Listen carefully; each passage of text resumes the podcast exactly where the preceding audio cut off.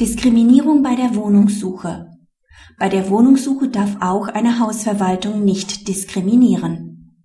Die aus Afrika stammenden Kläger werden von der seitens der Hausverwaltung des Vermieters vor Ort eingeschalteten Hausmeisterin mit der Bemerkung abgewiesen, dass an Neger nicht vermietet werde. Während das Landgericht die Klage unter Erwägung des AGG abweist, gibt ihr das Oberlandesgericht aus 823 BGB in Höhe von 2500 Euro je Wohnungsbewerber statt.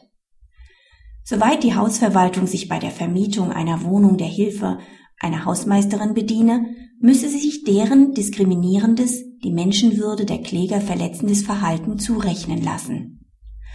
Ausblick. Offensichtlich stellte sich erst in zweiter Instanz heraus, dass die Hausmeisterin durch die beklagte Hausverwaltung als Ansprechpartner vor Ort eingeschaltet war. Dann aber ist es sicherlich zutreffend, dass die Verwaltung auch für von ihr begangene Verletzungshandlungen einstehen muss. Eine Exkulpation wäre bestenfalls dann denkbar gewesen, wenn, was nicht der Fall war, nicht nur die Mitarbeiter der Hausverwaltung, sondern auch die Hausmeisterin AGG-mäßig geschult worden wären